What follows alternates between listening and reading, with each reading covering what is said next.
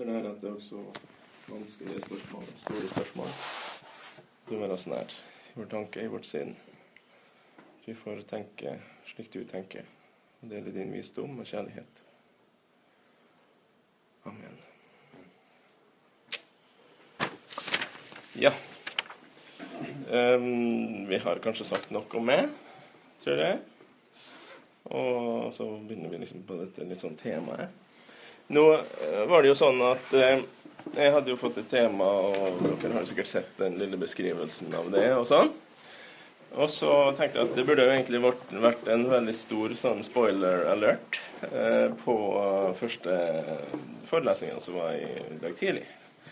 Der sa hun Joe Vitelli eh, noen ting som er sånn veldig på, sånne ting som jeg har tenkt at vi skal prøve å si og tenke også. For eksempel så snakka hun om en ateist som hadde sagt I hope there is a hell. Ja. Det er nå kanskje enda drøyere enn det jeg har sagt. Så vi håper at det er en dom. Men eh, det er iallfall en tanke vi kan forstå hvis vi liksom bruker litt tid på å komme forbi paradokset. Hun snakka om hvordan eh, fra første Mosebok eh, når heter det første brodermordet, at uh, Gud sier at din brors blod roper. Altså, det er noe med ondskapens grusomhet og forferdelighet som gjør at vi liksom krever at det må være et oppgjør. Så sa hun også en annen viktig ting som vi også kommer til å komme litt inn på igjen, tenker jeg. Hun sa 'God is wrathful because he is love'.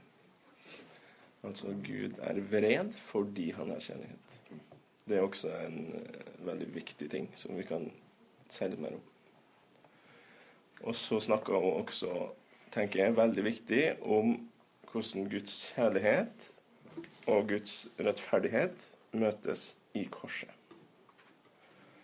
Eh, det er en viktig ting å huske på både når vi snakker om dommen, og generelt når vi snakker om alle disse store tingene som er knytta til ondens problem, egentlig.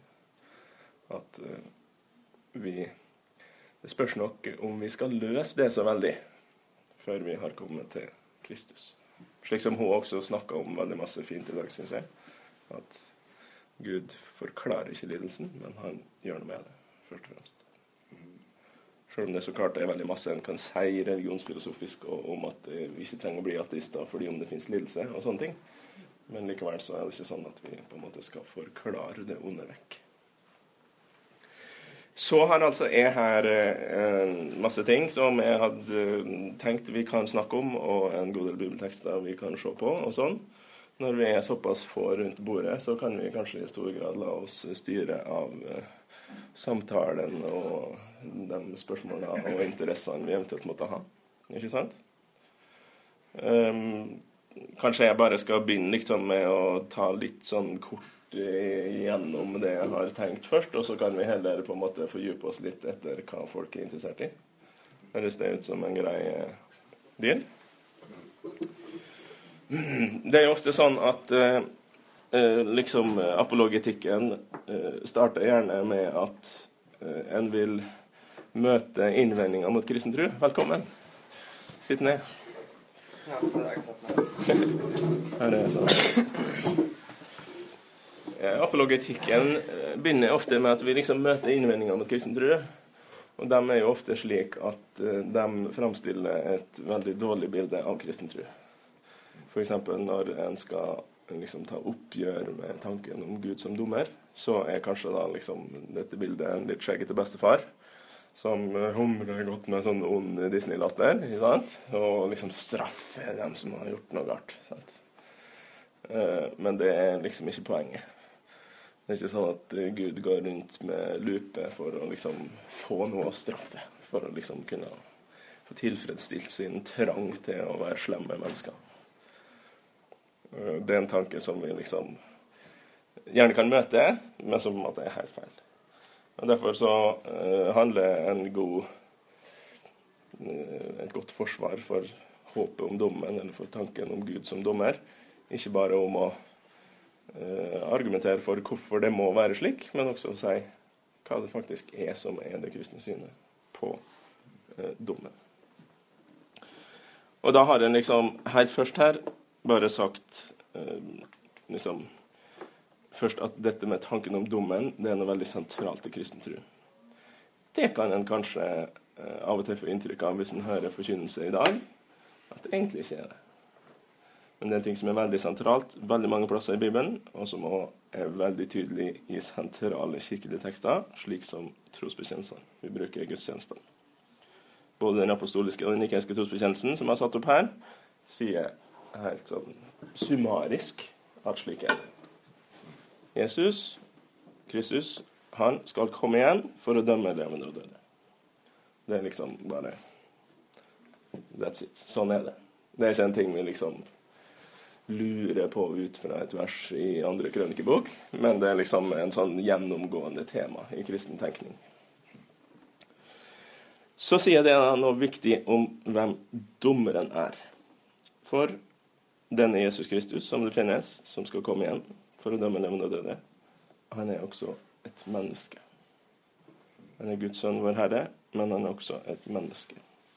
Han er den som kom, som ble korsfesta og sto opp og som hebreerbrevet sier, han er prøvd i alt, slik som oss. Det er et viktig poeng også i forhold til dommen. At i dommen møter vi ikke en som ikke kan forstå oss.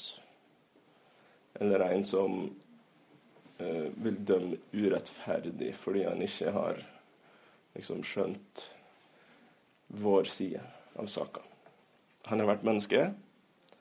Han er uh, har sjøl blitt utsatt for ondskap og synd. Han veit hva det er for noe. Han kjenner de realitetene på kroppen, så å si. Han er det som er dommer, innsatt av Gud.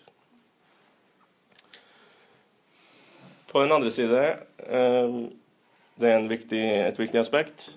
Og så er det også et veldig viktig mer sånn Eh, poeng om, liksom, i sammenhengen i kristne trua, at tanken om dommen hører sammen med tanken om skapelsen.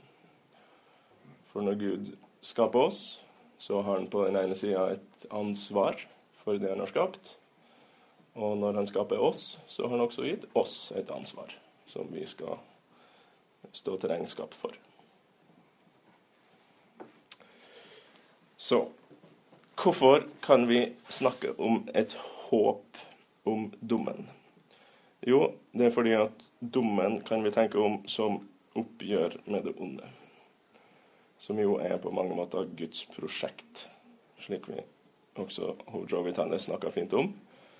Gud vil gjøre slutt på lidelsen på det onde. Dommen er derfor på en måte en slags endelig løsning. En slags Guds endelige inngripen overfor det vondes problem. Det betyr også at fra vårt synspunkt, altså fra vårt standpunkt, før dommens dag, så vil kanskje det hele fortone seg ikke nødvendigvis helt gjennomsiktig og lett å forstå. For vi kan aldri bli som Gud og liksom se alt. Han som alt ligger nakent og bart for, som ser igjennom alle ting. Det kan ikke vi gjøre. Derfor vil det alltid være en sånn Kanskje kunne være igjen noen ting som vi fortsatt lurer på når det gjelder disse tingene. Vi kan aldri komme i den posisjonen at vi kan avsi dommen i stedet for Gud, i hans sted. Eller også på forhånd. For det er det bare han som kan. Dette er jo et poeng flere plasser, i Bibelen også, og i Romerne 14 særlig, som jeg har henvist til der så gjøres dette til et viktig poeng også i våre forhold til våre brødre og søstre i kristne forsamlinger. I forhold til alle mennesker, egentlig. At vi vet at det er Gud som er den endelige dommeren. Derfor vil det vi ser, være litt foreløpig. Og vi må avstå fra å liksom prøve å felle en endelig dom over vår neste. Så er det også et viktig poeng og det var det som også hun og Joe Vitelli eh, snakka godt om i, når det gjelder dette med sammenhengen mellom kjærlighet og rettferdighet. At dette, det oppgjøret som dommen som skal sette endelig ut i livet, det er allerede tatt på korset. ved at Jesus eh, døde for verdens synd. Eh, Johannes 12, 31, som jeg har henvist til her, det er interessant. Der sier Jesus nå felles dom i denne verden. Og da snakker han om sin egen forestående død. Nå felles dommen. Og i Romerne 3, som er en sånn tekst som vi kjenner veldig godt, som taler om den rettferdigheten vi som kristne får ved trua på Jesus, fordi han er den som soner for vår synd. I den sammenhengen sies det flere ting om at Gud er rettferdig ved å rettferdiggjøre den som tror på Hans sønn. Fra tanken liksom i det store om dommen som Guds oppgjør med det onde, så kommer vi til det eh, som på kanskje grunnen til ateisten sitt håp om at det er et helvete. Eh, at dommen er den endelige oppreisninga for dem som har lidd urett i denne verden. I eh, åpenbaringsboka så er det en tekst der det er noen som, av dem som har blitt drept for Jesu navns skyld, som roper til Gud. Hvor lenge vil du vente med å ta oppgjøret for dette? Og Det kan uh, ses på som et uttrykk for en sånn stor strøm som finnes også i Gamle Testamentet, i veldig mange salmer, i klagesangene hos profetene. Der det klages til Gud. Kom igjen! Få, få ting i orden. Hjelp de svake. Hjelp min rett. Og dette er bønnen som Gud til slutt vil svare på. Helt og fullstendig. Og ta det endelige oppgjøret med alt som er synd og lidelse og ondskap. Det skal liksom komme fram i lyset hvor grusomt det er. Det skal kalles det det. Og få det vekk.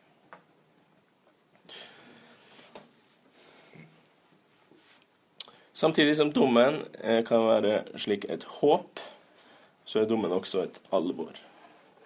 Det er et alvor over liv og død. Og Det har det vært i kristen forkynnelse, og det er det kanskje litt fortsatt, men jeg tror det er et aspekt som er nokså svakt i dag. Eh, men som en ser også f.eks. i apostelgjerningen 17, som jeg viste her, Paulus sin tale i Aten, der snakker han om liksom, religiøsitet og sånne ting. Men så sier han Gud har innsatt Jesus som verdens dommer. Derfor må alle vende om. Nokså klar tale, men eh, en del av eh, eh, forkynnelsen som motivasjon for å vende seg til Jesus. Samtidig gir talen om dommen også et alvor over det kristne livet. Um, f.eks. 2. Korinterbrev 5 eller 2. Timoteus brev 4. Der tales det begge plasser om hvordan dette gir et alvor over også det kristne livet. At en vet at en til slutt skal gjøre regnskap overfor Gud. OK. Så kanskje den eh, mest vanlige Nå skal vi få toppa den. Eh, den mest vanlige liksom, innvendinga mot talen om Gud som dommer, det vil gjerne være ja, men hvordan kan en Gud som er kjærlig, som er god, eh, dømme noen? Og Da vil jeg si først, som eh, også det er poenget til H i formiddag da Altså, Gud er vred fordi han er kjærlig. Altså, en kan ha lett for å tenke slik om Gud Eh, at først er Gud en, en, en eksisterende personlig makt som har skapt verden. Og så gir vi Gud en del eh, sånne egenskaper i tillegg.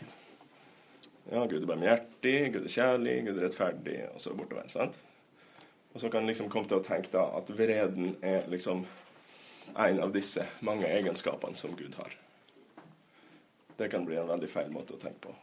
At man må tenke slik at heller at kjærligheten på en måte omfatter alt, og at alle uttrykk som vi kan oppfatte som ting som eh, oppleves som straff eller ondt, eh, egentlig uttrykk for Guds egen kjærlighet. Fordi den er ren, og hellig. Kan ikke ha noe med det onde å gjøre. Sånn at vi må tenke det at Gud er vred, Gud er hellig i forbindelse med dommen, eh, som noe som hører til at Gud er kjærlighet. Ikke noe som er et tillegg. At Gud er i dommen, så skal han være kjærlig og vred. Nei, han skal være kjærlig. Og det er også slik, som Bibelen sier veldig klart og tydelig, sjøl om det også snakkes om at det finnes to eh, muligheter for hva som kan skje i dommen, så sier Bibelen helt rett fram at Gud vil at alle mennesker skal bli frelst. Gud vil altså ikke at dem han har utvalgt, skal bli frikjent, og dem han ikke har utvalgt, skal gå fortapt. Men han vil at alle skal bli frelst. Og så er så klart det store spørsmålet ja, hvordan kan det da skje noe eventuelt som ikke Gud vil? Det er jo igjen del av et mye større spørsmål igjen, ikke sant? Men det tror jeg også er viktig å på en måte tenke først slik at uh, det Gud vil, er at alle mennesker skal bli frelst i dommen. Og som vi var inne på innledningsvis, så er det slik også at om Gud eh, straffer Nå kan vi også snakke om hva egentlig det skal bety. Så er ikke det noe liksom, Gud er ute etter, og som Gud får glede av. Han sitter ikke og ler i himmelen mens de fortapte pines i helvete. For å si det sånn. Sett det på spissen. Kan en kjærlig Gud dømme oss? Ja, også fordi at han vil ikke la oss forbli i en situasjon som ikke er god for oss. Uh, I um, fortellinga om syndefallet, Adam og Eva, så er det jo etterpå slik at Gud sier at nå må vi sende dem ut av hagen. For de kan ikke være der og ete av livsens tre, sånn som det har blitt nå. Men når en kommer til åpenbaringsboka, så sier en nå er denne veien åpna igjen. Det er et problem som er løst. Eller Paulus han eh, roper jo ut, nærmest i, litt i fortidelse, i Rombrevet 7 Hvem skal fri meg fra denne dødens kropp? Altså, da snakker han jo om Da tenker han jo på dette at det onde, hvis vi skal være ærlige, det fins til slutt også hos oss sjøl. Og da vil dommen både ramme oss, men den vil også kunne frigjøre oss fra de syndene eller de tilbøyelighetene vi har streva med og ønska å bli kvitt. Kan en kjærlig Gud dømme noen til å gå fortapt? I alle fall kan en kjærlig Gud ikke tvinge noen inn i himmelen. Og vi må i så fall tenke om all adskillelse fra Gud som sjølvalgt. Og at hvis noen går fortapt, så gjør de også det som elsker av Gud.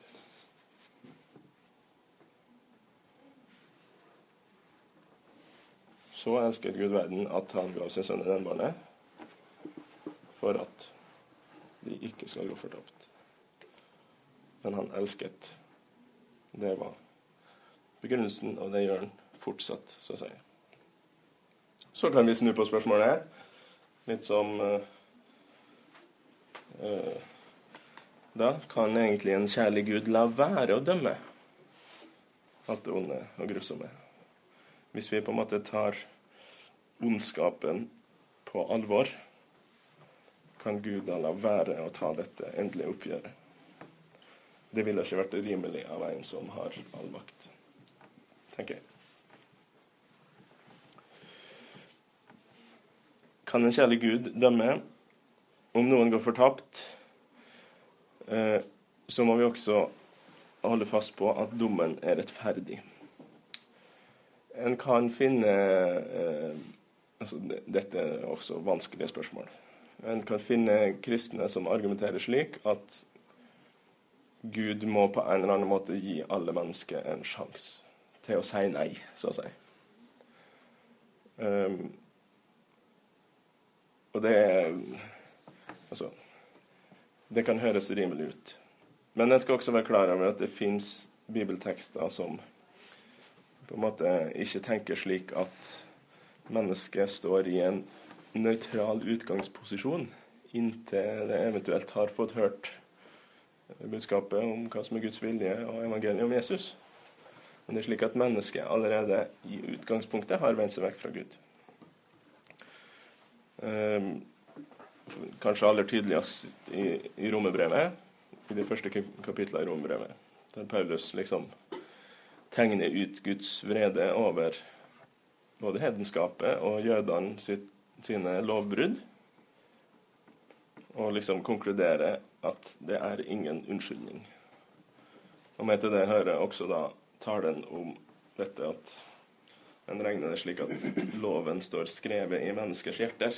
Altså alle mennesker kan ha en, en innsikt i hva som er rett og godt. Og dette er det mange som ikke gjør likevel.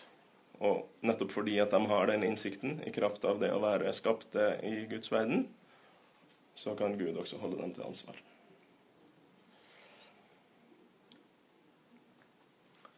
Når man til det i forholdet om en kjærlig Gud kan dømme.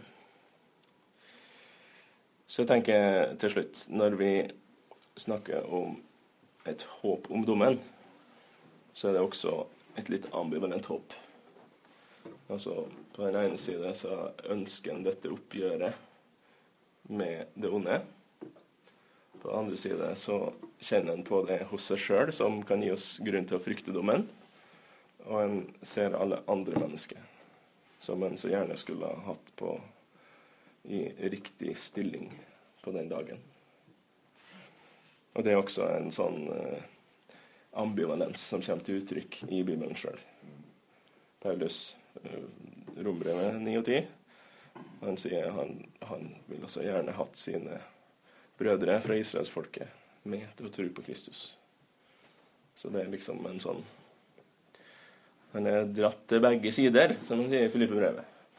Vil altså gjerne ha kommet hjem til Herren og fått alt i stand. Samtidig så ser han at det er så masse som skulle vært gjort først. Så det er en sånn Den der eh, 'Should I Dance' or 'Should I Cry'. Den var liksom uh, i min, uh, min uh, ungdomsmusikkgymnas. Så var det et rockeband som sang en sang om 'When the mighty hero comes back'. 'Should I dance or should I cry'?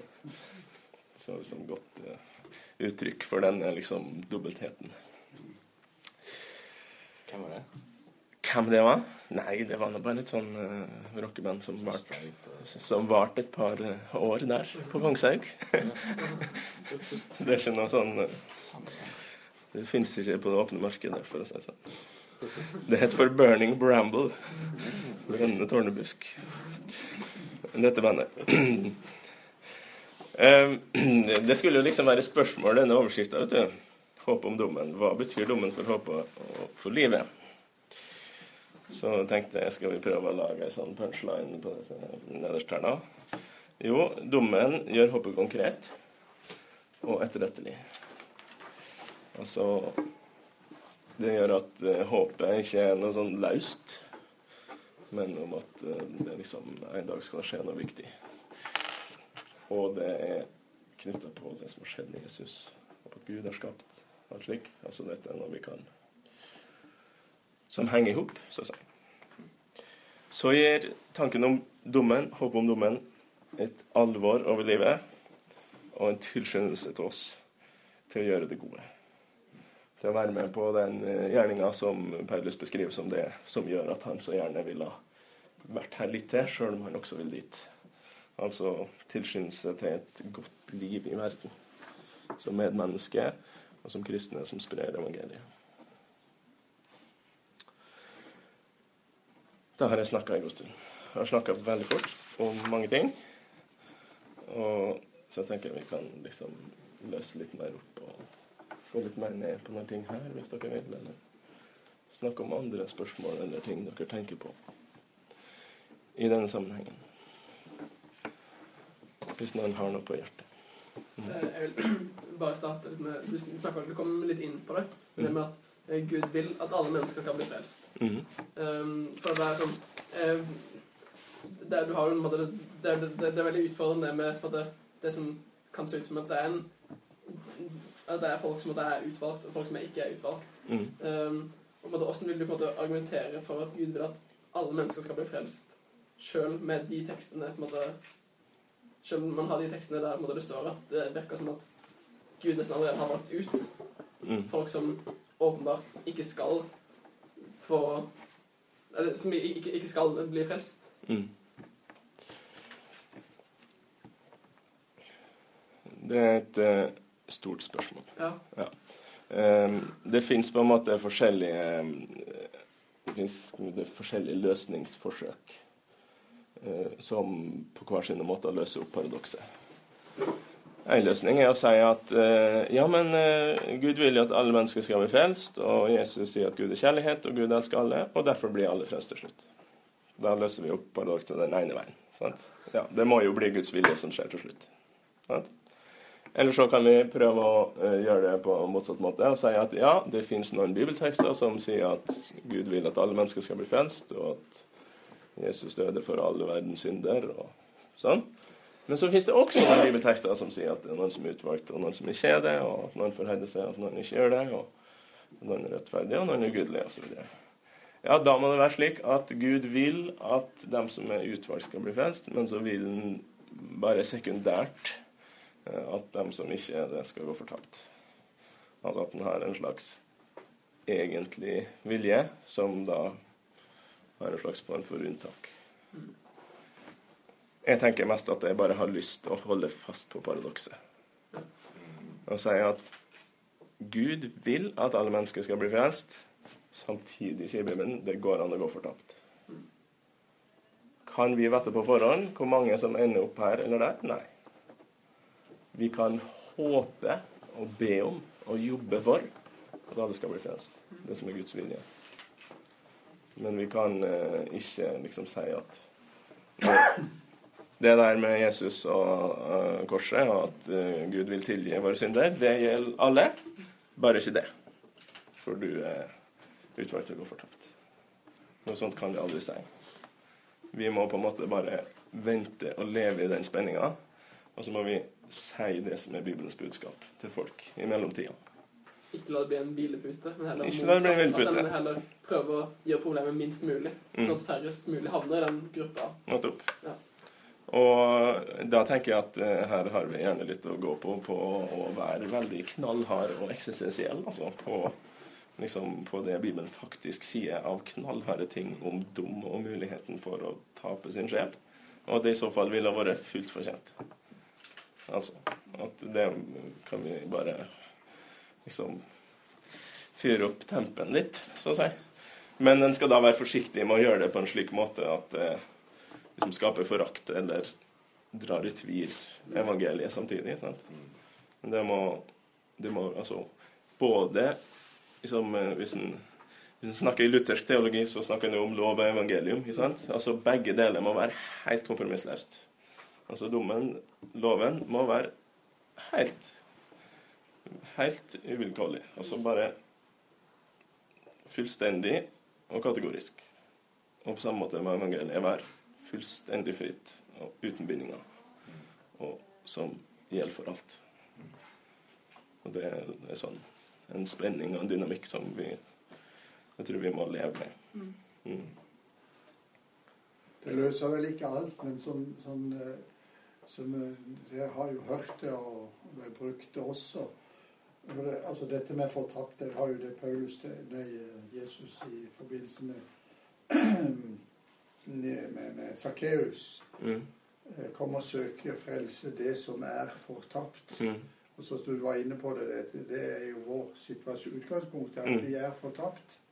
Mm. Det å få klargjort det for folk Mm. kan du si, i møte med, med noen på en ærlig og oppriktig måte, ut ifra dette du var inne på med, med både samvittigheten og naturloven. De dømmes ikke etter den skriftlige lov, men etter det Gud har lagt ned. Mm. Men altså eh, Tormod Vågen, for oss gamlinger, så var det ikke han er han altså på misjonsskolen og sånn, Jesus sier mange er kalt, men få er utvalgt. Du kan tenke et fotballag, f.eks. Der står alle sammen. Eh, eh, og, og, og sier det, nå skal vi ha et fotballag. Kom de som vil. Og så kommer eh, da et visst antall, men noen blir stående. Dere er utvalgt. Kom igjen, det er ok. Altså, det alle kan, men altså sier du nei. Og så var det et annet bilde som jeg hørte akkurat nå nylig. Det var det, det en som gikk for, eller vi leste det i en bok i England. Gikk forbi ei dør der det sto 'Du er velkommen inn'. Mm. Og så Mange gikk bare forbi. De så det, men de gikk ikke. Og så De som gikk inn med en gang de kom inn, og innenfor så sto det 'utvalgt'. Altså eh, Altså, det, det, det, de utvalgte er ikke bestemt på for, altså det, Men du er med litt Du er ikke et null. Altså, du er ikke, du er ikke en tinnsoldat. Du er et menneske. Men da skifter vi jo litt med det reformerte og det lutherske. At det luthersk kan du si nei, men ikke ja. Vi var inne på det, vi var på samme seminar i stad. Fornuft og tro. Vi bekjenner altså Hvordan skapes troen? Er det en gave? Hvorfor gir Gud troen til meg og ikke til min nabo? Men så er det Bibelen sier dette med å høre. Jeg tenker Nå ligger der en båt, så det, det er for meg et veldig greit bilde. altså ligger der en båt der ute i Synsranda, og det stormer, og, og, den går ned, og vi får et signal, SOS, altså. Han som, en som ligger der, han blir ikke med båten ned, men ligger i bølgene. Han vet han har ikke sjans. Han kan tro så mye han vil at han skal bli Det går ikke. Men noen har sett et nødsignal, så kommer et helikopter. Og det, det er noe, altså Bare å høre et helikopter vil skape noe hos han. Iallfall hvis han er nordmann og vet hva, det kan innebære. Altså Lyden skaper en tro. Det, det, er ikke noe han kan ta seg til. Jeg kan ikke, men lyden evangeliet skal forkynne sånn inn i den situasjonen at troen vekkes iallfall et håp i begynnelsen. Og så står det rett over til slutt. Og så kommer det ned en redningsmann. Det er ikke spørsmål engang om, om, om, om, at han klarer å klatre opp en gang. Det er ikke en leider som kommer der. Men det er Får jeg lov å ta det? Ja, ja. ikke sant? Men altså, du, du, han kan være så bevisstløs at han ikke kan svare engang. Mm. Men, du, men du, du, tar han altså Men likevel, du kan si eh, Det er den spenninga der med troen også, altså. Det er noe med å få høre, og da er det, er alvor for oss, akkurat som du sier, å kompromissløs forkynne dommen, altså. Og det er svakt i dag. Jeg må si det sjøl. Det er ikke lett. For det, at det er så mange forestillinger hos folk som en må få rydda vekk. Dette med helvete, f.eks., som en konkret sak. Og, og, og, og, hva er det å gå fortapt, altså? Hva innebærer det? Jeg, jeg for min del jeg klarer ikke å si mer enn at det er ikke godt for mennesker å gå fortapt. Og ikke konkretisere det og lage natur av det.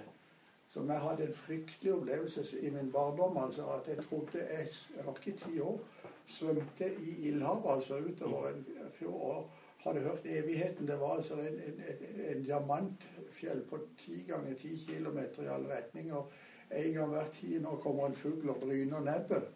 Og som tiåring å komme inn i den altså da, blir, da, blir det for, da, da får jeg en opplevelse som er mareritt, som stenger for budskapet. Det er ikke meninga, altså. Men, men, men, jeg tror dette her så det, det, I hele seminaret så er kanskje dette noe av det viktigste, altså. Hvis vi tenker på for å vinne den skeptiske verden. Uh, at vi tror på Tror vi på dette?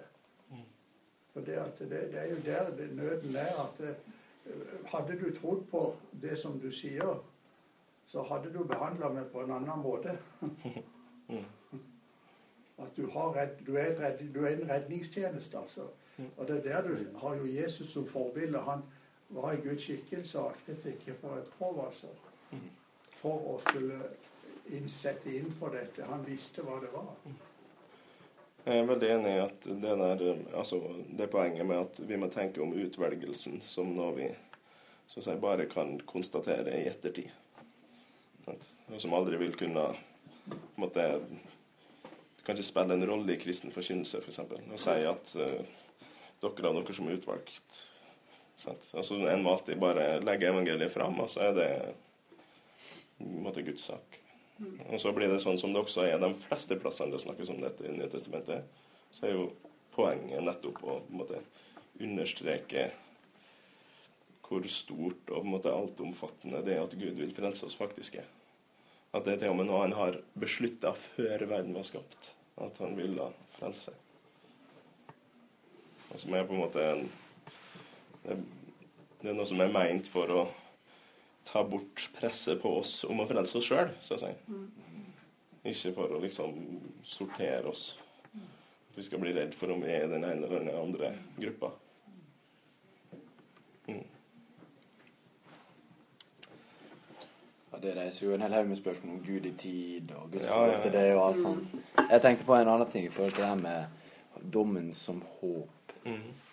Og jeg vet ikke om dere husker søndags, søndagsteksten fra forrige søndag var Lasarus og den Mm. mannen. Og så tenk på enda et paradoks i den kristne troa. Paradokset mellom frelse og tro alene, Mm. men også den åpenbare tyngden som blir lagt av Jesus, bl.a. på Mm. at en tro står Altså, en tro uten gjerninger er- er så død som bare det. Og så, så er det klart, i en sånn, en sånn lignelse så er det nærliggende å se seg sjøl i den rike mannen. Eh, er ikke det, da? Jeg vet ikke hva, hva dere tenker når dere leser lignelsen, men jeg, jeg identifiserer meg ikke med Lasarus som ligger der med verkebyller som blir slikka av hundene. Eh, jeg bare, jeg har, lurt, jeg, jeg har tenkt litt på det her, ja, altså, i forhold til dommen. Som konkret, alvorlig, og som, som en gjenoppreisning for all urettferdighet. Altså. Hvor, hvor står vi i forhold til dommen? Har jeg lurt på noen ganger. Som kirke og jeg som enkeltperson, som topp 5% av de rikeste i verden sikkert. Eh, er det praktisk talt en rike mann i fortellinga, og flyktningene er praktisk talt ut forbi porten min. Ja, og det der er veldig viktig også å tenke over hvordan Altså i vår eh, på en måte, globale verden så må vi også liksom Synden er også mye mer komplisert, fordi at vi, vi, vi ser hvordan vi er liksom innvevd i strukturer som uansett er urettferdig. Ja. Du snakker om her, altså vi, vi er nordmenn, og det er på en måte grusomt. Men samtidig så kan vi på en måte ikke være noe annet heller. Altså vi må gjøre Hvis alle nordmenn særte alt de eide og reiste til Afrika, så var ikke sikkert det ble på en måte, at det ble den beste summen heller. sant? Men vi må på en måte prøve å leve klokt i de spenningene der, da. Og være varmhjertig, rett og slett. Mm. Men det er jo liksom eh, I den lignelsen om rike mannen Lasarus liksom han, han fikk sitt i dette livet. Og det kan det være eh, veldig lett for oss å tenke at der er vi, og der er vårt folk. Si, vi, har, vi har erfaring fra det. Vi har vært en del år i Afrika Ja. Og vært nordmenn. Mm. Midt imellom de fattige. Og det er vi vel enige i både Ja, kanskje vi Det er to vanskelige spørsmål der.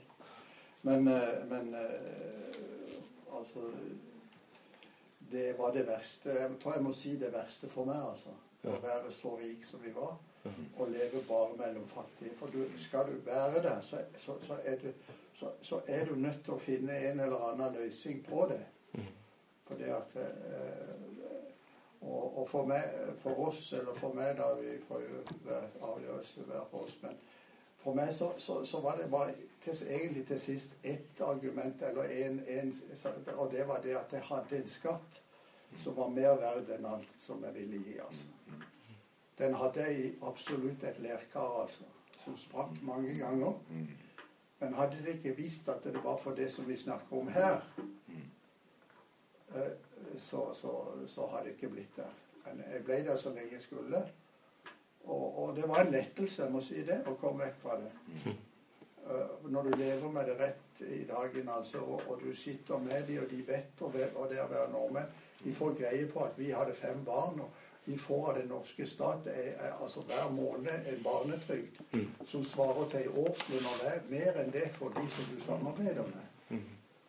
Og, og, og så kan du bare legge på dette her. Og det andre er jo da enda verre, kan du si, og det kan jo de som er verst, men som, som også har med dommen for meg å si, at dette med misjonærbarnproblematikken, som vi har hatt eh, mer enn nok av inn på kroppen og på livet.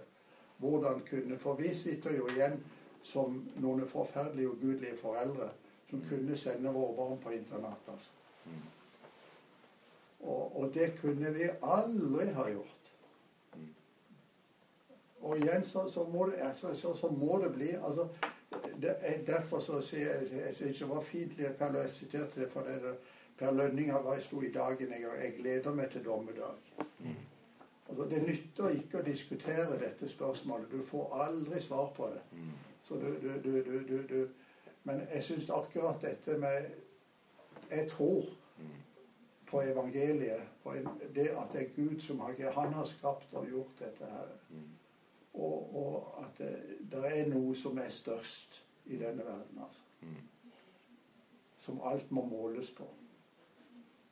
Når det gjelder dommen og sånn, så er det jo altså samvittigheten for de som ikke har loven, og for oss som har Guds ord. Så, og vi kommer til kort. Leirkrukka sprekker. Men det er jo det som er evangeliet. Og kunne vi formidle det til verden istedenfor de tror vi går rundt og tror vi er bedre enn alle andre. At vi er kristne fordi at vi har sett at uh, vi har ikke flisa igjen av denne kroka, altså. Men vi har en skatt. Tror du ikke håp om dommen vil være en katalysator, på en måte? Jeg tror det, vil, det er iallfall en del å få se hvem vi er i Guds ords lys. altså. Det er jo det vi skal. Få se våre liv i, i, i lys av det vi har fått i denne boka. altså. Og da er dette som må her, dette med den oppstanden som må være utgangspunktet. Mm. Så er det jo som du sier, dette her, som det er skrevet her med at eh, de som er, uh, ikke har hørt Guds lov, de er uten unnskyldning. Mm i det praktiske livet så, så kjenner en jo på at vi er uendelig privilegert som har fått vokst opp i kristne heimer, og som har fått hatt Guds ord og svømt i det hele livet. Og så Ja, nå har jeg sett meg ei buddhistisk jente som ville bli kristen. Han har foreldre. De har jo ikke hatt sjanse til å Student på Universitetet i Kristiansand ble kristen midt på markedet. Tror på Jesus, mm. og alt ble nytt. Men, men han er foreldre. De har jo ikke hatt noe reell sjanse til å ta imot Jesus. Kanskje det å, å, å, ordne livet på en skikkelig måte, men Frelsesveien, det må forkynnes. Og òg blant vår oppveksende slekt i Norge. Alle disse små unge som ikke har fått møtt Jesus reelt. Og, og når en kommer til det som Jeg må bare stoppe med det at det er et paradoks. men at vi får et veldig ansvar, som du har tatt med her, med å fått formidle det på et eller annet vis. Og det kommer, kommer jo stadig til kort. Mm.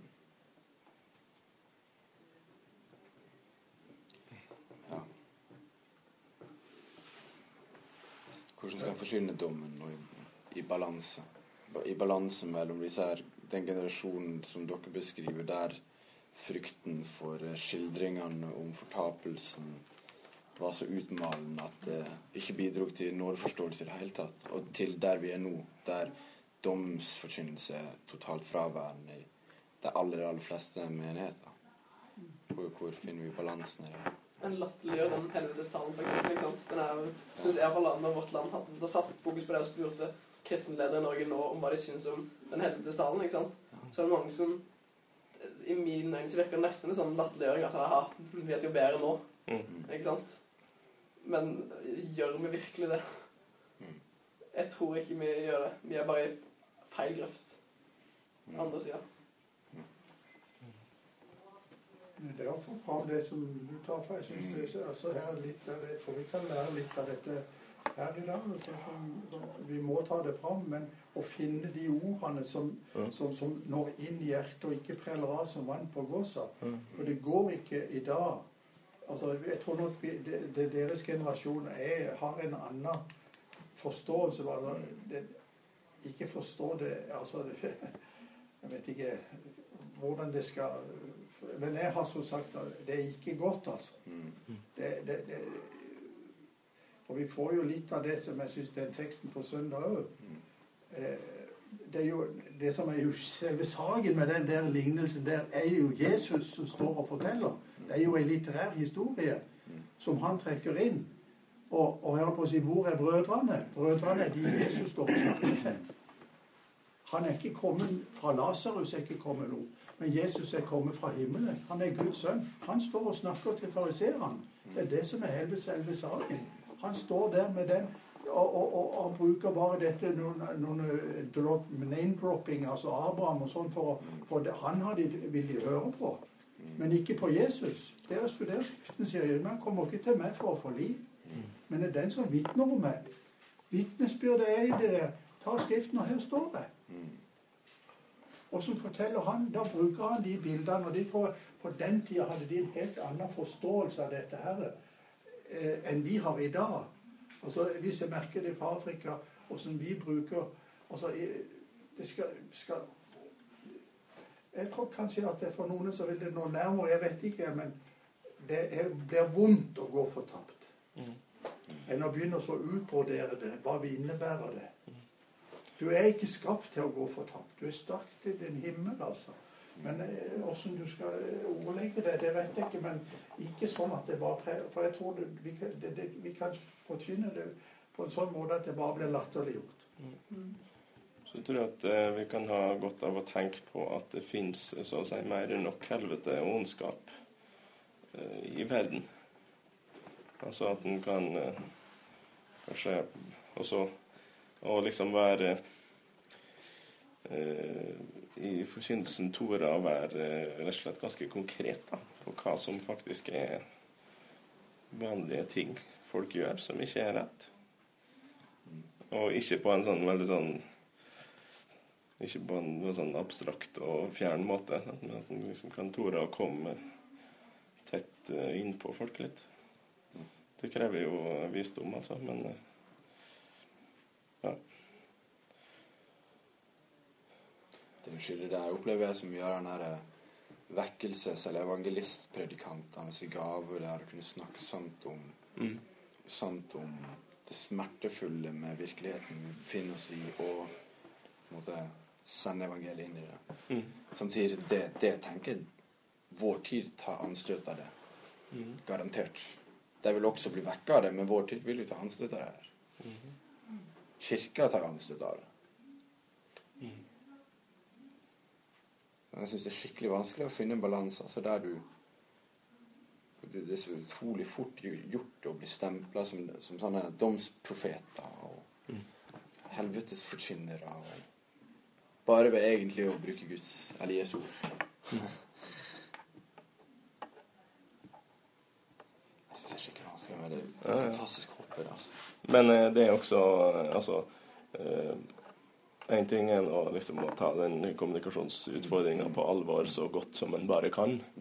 Men samtidig er det jo også sånn at det er en altså Det var noen på Areopagos som sa til Paulus Nei, nå, nå snakkes det tull.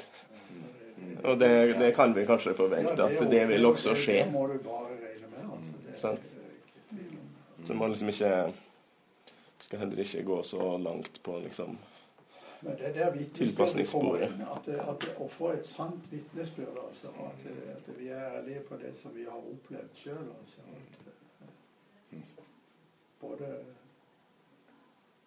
Og det tror jeg du får verden med på, som du sier her, med ondskapen. altså. At det må et oppgjør med en ateist vil også synes at det, det må vi gjøre opp. altså. Ja, Hvis en ikke da prøver å bortforklare det. Ja, ja, det er klart det, men da er det bortforklaring. Ja. Altså, eh, Jeg kan ikke forstå at det er et menneske som har det i behold gjerne skapt med mm. at, at vi er glad for at ondskapen får, får, får, en avslutning med en skikkelig dom, altså. Men mennesket skal jo frelses. Det er jo synden som skal dømmes. Det er ikke men, altså, det er jo det som er hele mm. Ikke vitsen, men det er jo hele reality. At, at vi skal Det handler liksom om en grunntone om at en forstår uh, livet slik at uh, verden ikke er som den skulle vært, så å si. Altså den der uh, sånn cola-reklame 'Life as it should be'. Ja, nei, det, Det er ikke det. Nei. Og det er på en måte en av de viktige forskjellene på kristen tro og en slags uh, ateistisk eller materialistisk forståelse av tingene. Som nettopp, der nettopp tanken om dommen er veldig viktig. For at når den begynner der, så må det gjøres opp. Så må det settes i stand. Kunne jeg spurt deg, Gunnar, noen av dere andre om det her med bildet mellom Guds rettferdighet, dom og det vi har i juridisk forstand. Altså Vi har jo også rettferdighet som mm. utøves av, eh, av dømmende myndighet. sant? Av, mm. av rettsvesenet. Uh, men det er akkurat som når vi, vi, snakker om den rettferdigheten, så er det akkurat som vi snakker om, om restitusjon hele veien. der og uh, Altså det, det er veldig sjelden snakk om at noen må i fengsel fordi de har gjort noe galt i vår tid. Nå skal det være for å komme ut bedre på Ja, det er for å komme ut bedre. Det er for å være i en prosess og bli, bli det mennesket det egentlig er. Altså et godt menneske.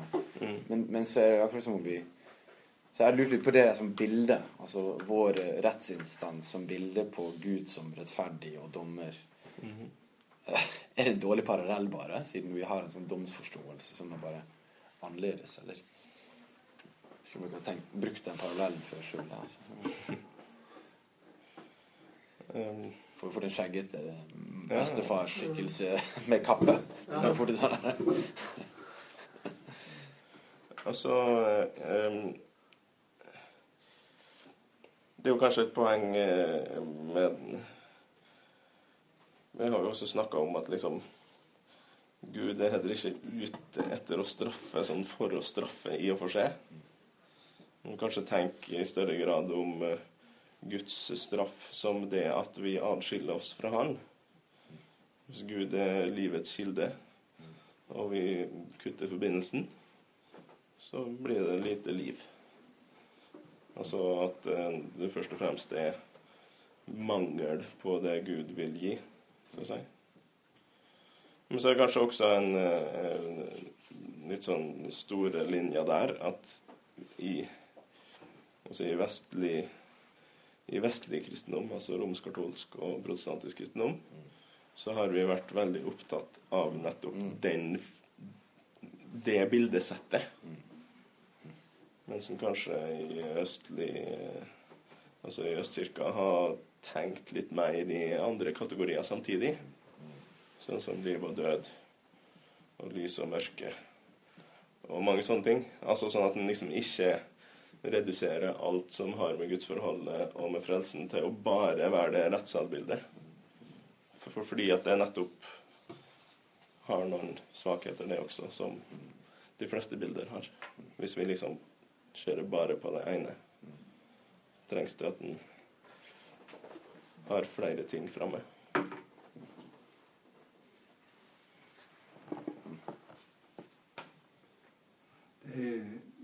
litt kanskje gå inn i den lignelsen der igjen med at den rike mannen, hva var det han ønska i Jesu ord, da?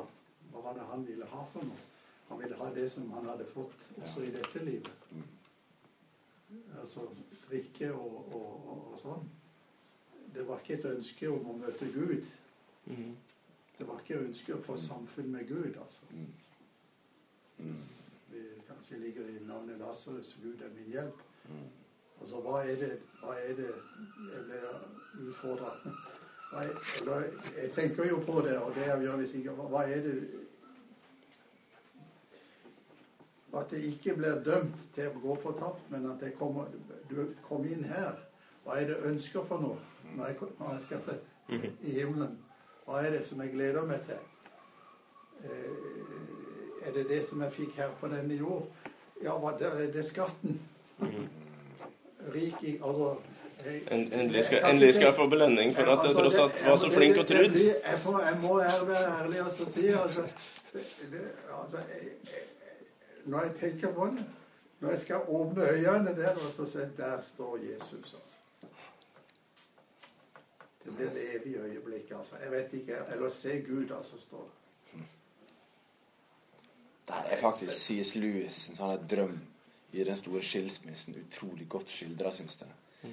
I forhold til hva, hva det betyr å, å, være fortapt ved å bare i en fortsettelse fortsette å velge bort Gud og orientere seg mot sine egne behov som hun fikk i livet. Men det å være frelst er å være i Guds altomsluttende kjærlighet.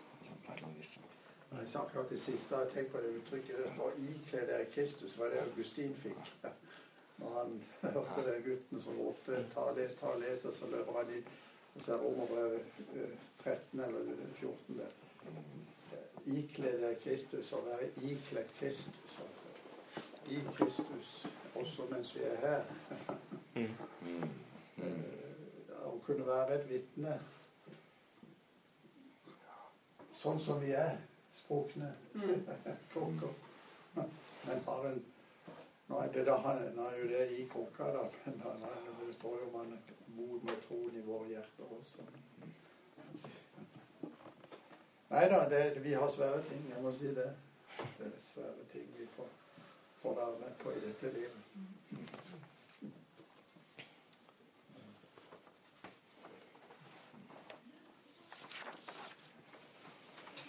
Kan vi ikke be litt til slutt? Er det ikke middag klokka fem? er det det? Hals. Å ja, da kan jeg feil for at jeg sa det. det, det, det, det Nei vi har sikkert eh, litt mer tid hvis noen eh, flere har noe bedre. Vi har, vi har satt av tida fram til kvart over. Så har vi et lite kvarters pause der da, frem til middagen halv. Og den vil jo være her oppe i, i hovedbygget, ikke nede i salen. Ja, I matsalen. Inni der dere kom inn.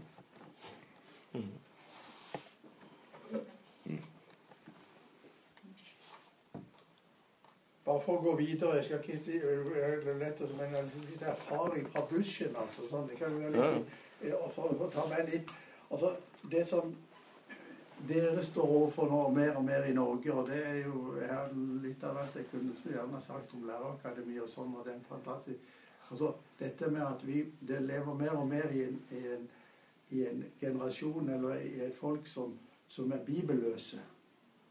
Det er, nå er det jo mange som kjøper Bibelen, forstår jeg, men at det, det å komme til en stamme som ikke har Bibelen, og er helt ute, sånn som hun, hun buddhisten og som i Kristiansand altså. Helt, du, du, du, du hører de spørsmål som stiller, altså. Når skal begynne å lese om, om, om kristendommen med, med, med fullstendig buddhistisk bakgrunn, altså. Det, det, det er fantastisk. Og dette vil bli mer og mer den virkeligheten dere møter her i Norge. altså. De, vi tror vi kan i bibelhistorie og, og sånn, iallfall vi som fikk den kristendomsundervisninga da jeg på skole.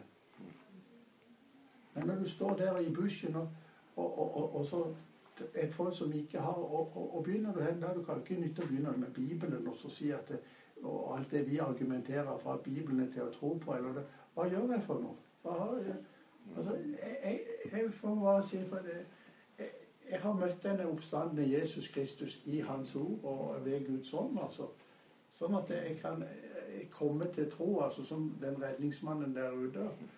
Og så står du og forteller om, om han ute i bushen i, i nattemørket. Altså, og her kommer de nakne, splita nakne folk og står og hører. Og hører, og så kommer de igjen og så hører de. Hva er det som skjer? Altså, jeg kunne nevnt navnet på hva, ei som ble døpt til Maria. Hun het ikke det da, men livet var gått helt i stå for henne, og hun ville ta livet sitt. Og kommer forbi et tre der det ser noen er samla, så går hun hen og stiller seg og skal høre. Og så hører hun, og så var det fortellinga fra Johannes 14 om Jesus skulle gå til, til sin far og berede rom, og så skulle han komme tilbake. Det var noe helt nytt. Fullstendig nytt. Så måtte, Jeg spurte ikke forkynneren der, men hun tok til noen venninner som kjente det. Hva er dette for noe? Så må vi gjøre det kort, så vokser kunnskapen. Og så er det det rare som skjer etter ei tid. Altså, så er det sånn, Dette ordet som hun får høre om Jesus som kommer Jeg sier, jeg, sier, jeg har ikke noe mer bedre å si. Og Nesten skal begynne å synge den der julesalmen vi snakka så. Deilig av jord. Der står det 'Han er frelser min'. Det, det, han er jo frelser min. Får høre evangeliet. Hva sier du da for noe?